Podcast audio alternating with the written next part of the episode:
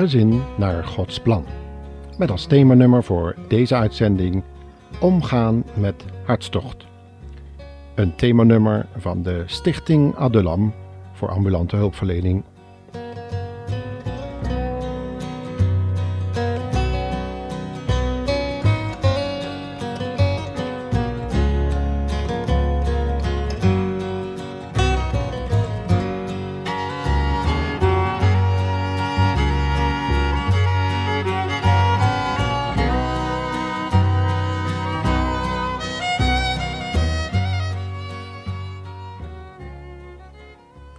Welkom luisteraar in ons nieuwe familieprogramma. En met deze serie over omgaan met hartstocht, seksualiteit, huwelijk en gezin zitten we alweer midden in de problematiek. In de vorige uitzending hadden we beloofd dat we meer zouden laten horen hoe de wijze spreukendichter over hartstocht sprak. En wel in het hoofdstuk 7, Spreuken 7. Laten we eens beginnen bij vers 6, waar een toeschouwer een hartstochtelijke jonge man zijn ondergang tegemoet ziet gaan. We lezen nu voor uit de Living Bible. Ik keek uit mijn raam en zag, terwijl ik mijn ogen langs de onverstandige liet gaan, een jongen die erg dom bezig was. Hij liep over straat, naderde haar woning en liep er naartoe. Het schemerde, het was bijna nacht. Een vrouw kwam hem tegemoet, gekleed zoals bij haar beroep paste doortrapt en op haar hoede. Ze was ongezeggelijk en losbandig en verbleef maar zelden in haar eigen huis. Soms liep ze door de stad, soms hing ze op een straathoek rond. Toen vloog ze hem om de hals, kuste hem en sprak met een stalen gezicht: Ik had beloofd dankoffers te brengen, en vandaag ben ik mijn belofte nagekomen. Daarom was ik op zoek naar jou. Gelukkig, ik heb je gevonden. Laten we elkaar nu beminnen, het hoofd op hol jagen, de hele nacht en met plezier de liefde bedrijven. Mijn man is niet thuis en komt voorlopig ook niet terug.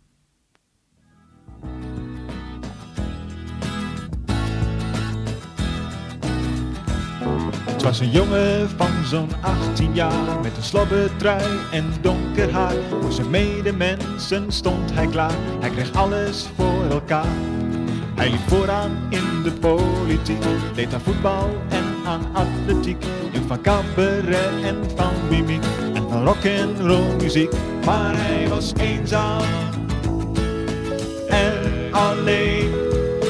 Nergens kon hij, kon hij heen, maar hij was eenzaam en alleen.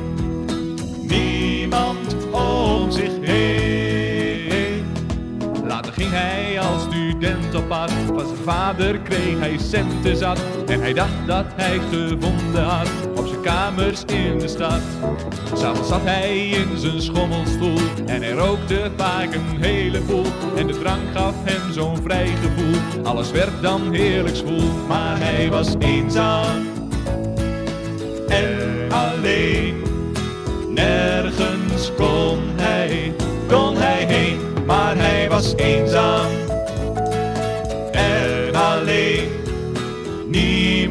Om zich heen. Aan het geloof had hij nooit veel gedaan, want hij dacht dat komt er niet op aan. Daar begin ik later wel eens aan en hij schoof het van de baan.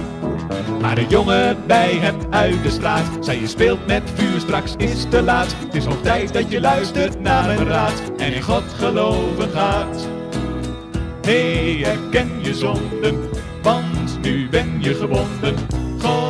God vergeeft je zonden, als je hem hebt gevonden. Hé, hey, herken je zonden, want nu ben je gebonden. God vergeeft je zonden, als je hem hebt gevonden. Maar hij zei vlieg op voor mij een part En zijn innerlijk werd toen verhard En een leeg gevoel bleef in zijn hart Het was van binnen hol en zwart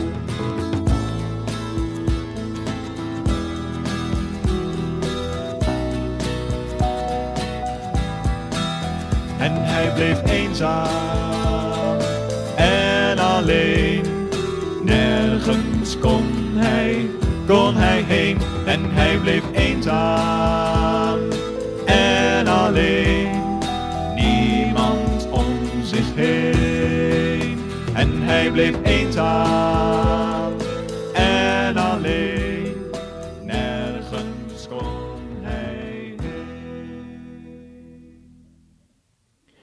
Triest eigenlijk allemaal. Hier gaat een jonge man zijn ondergang tegemoet. Loopt wellicht een dodelijke ziekte op, zodat het uitloopt op datgene waarmee de spreukendichter zijn betoog eindigt. Haar huis is een halte op de weg naar de dood. Verschrikkelijk zo'n einde te hebben. Je kunt erop rekenen dat zulk soort kussen, zo'n vleierij en de sensatie van lichamelijk contact met een vrouw tot hoerij leiden. In Spreuken 5, vers 10 tot 23 vinden we nog zo'n kenmerkende waarschuwing, waar we enkele citaten van zullen laten horen. Luister maar. Geef vreemden niet de kans om op jouw zak te teren en je zuur verdiende geld erdoor te jagen, zodat je tenslotte lichamelijk en geestelijk aan het eind het uitschreeuwt: oh, waarom haatte ik die wijze lessen toch? Waarom luisterde ik niet naar de vermaning en vergat wat mijn leermeesters leerden? Wees blij en tevreden met je eigen jonge vrouw, zeiden ze. In de Bijbel wordt hoerij streng afgewezen, evenals tegennatuurlijke omgang tussen mensen van hetzelfde geslacht. Paulus maakt dat duidelijk in de brief aan de Romeinen, hoewel daar tegenwoordig vaak heel anders over gedacht wordt. Het spreukenboek vervolgt daarom verder. Waarom zou je de boezem van een onbekende omarmen? Want voor de ogen van de Heere liggen ieders wegen open. Hij weegt al zijn gangen. Zijn ongerechtigheden vangen de goddelozen. In de strikken van zijn zonde raakt hij vast. Hij sterft omdat tucht hem ontbreekt. Door zijn grote dwaasheid verdwaalt hij. Het is uh, inmiddels de luisteraars wel duidelijk dat bepaalde voorrechten er dus alleen maar voor een getrouwd paar zijn en voor niemand anders. De Bijbel zegt er natuurlijk nog veel meer over. Luister maar. Verheug je over de vrouw van je jeugd, een lieflijke hinde, een bekoorlijke ree. Laat haar boezem je te alle tijden vreugde dronken maken. Wees bestendig verrukt over haar liefkozingen, zegt de Heere. Dat is duidelijke taal, nietwaar? Verrukt over haar liefkozingen, niet die van een ander. Zulke intimiteiten, zoals hier omschreven, horen dus duidelijk in de sfeer van een huwelijk thuis en niet erbuiten. Anders kunnen ze gemakkelijk leiden tot hoererij en overspel, en het oordeel van God zal dan niet lang op zich laten wachten. Meerdere keren noemt God het strelen van andere vrouwen als een deel van de zonde van hoererij. Lees bijvoorbeeld Ezekiel 23, vers 8 en 21, een boek wat heel onthullend is in allerlei opzicht. De Bijbel is daar heel open over als het over dit thema gaat. Juist met het oog op de vaak verschrikkelijke gevolgen voor lichaam, ziel en geest. En niet te vergeten soms een heel gezin, als iemand al getrouwd is. Seksueel verkeer buiten het huwelijk om gaat dus tegen de gedachten van God. En dat blijkt duidelijk uit onder andere Deuteronomium 22, vers 28 en 29.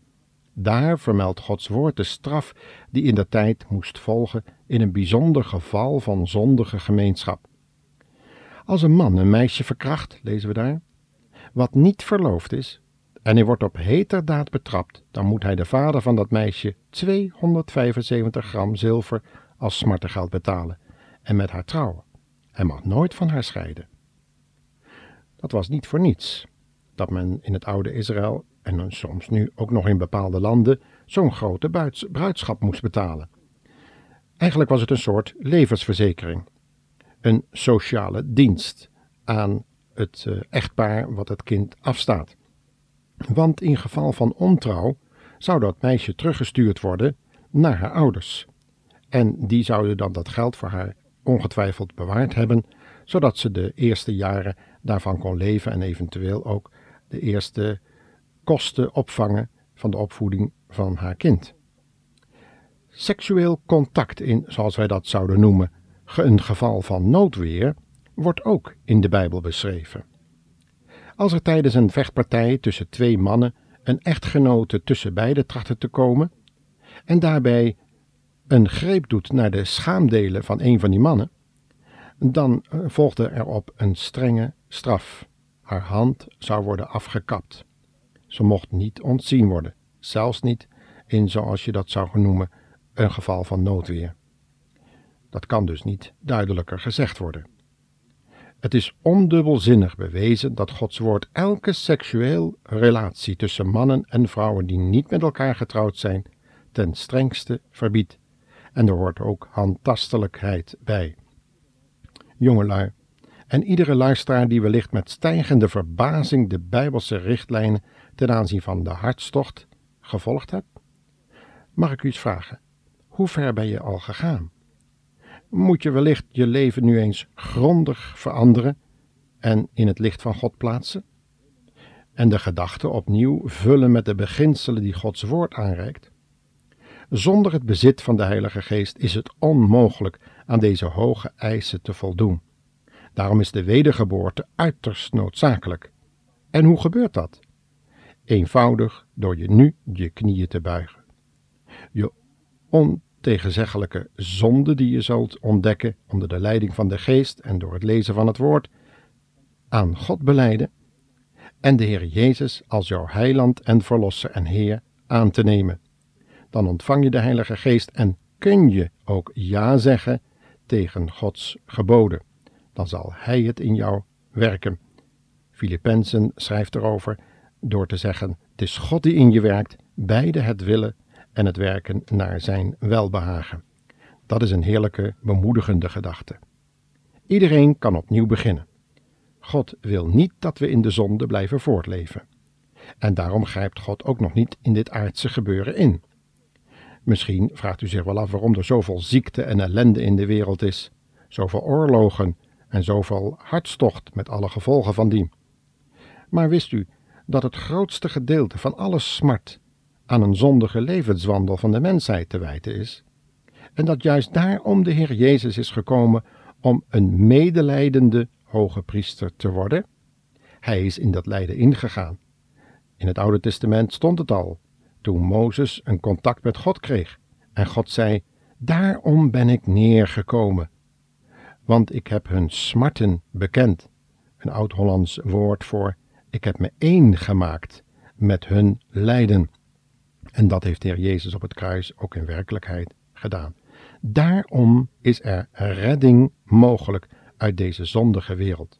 Niet door grof geweld, niet door het oordeel, maar door de hemelse liefde en de barmhartige genade van onze God en Heiland, Jezus Christus, die voor onze zonde naar het kruis is gegaan, om tot zonde gemaakt te worden. Hij heeft voor ons, de overtreders, gebeden. Voor u, voor mij.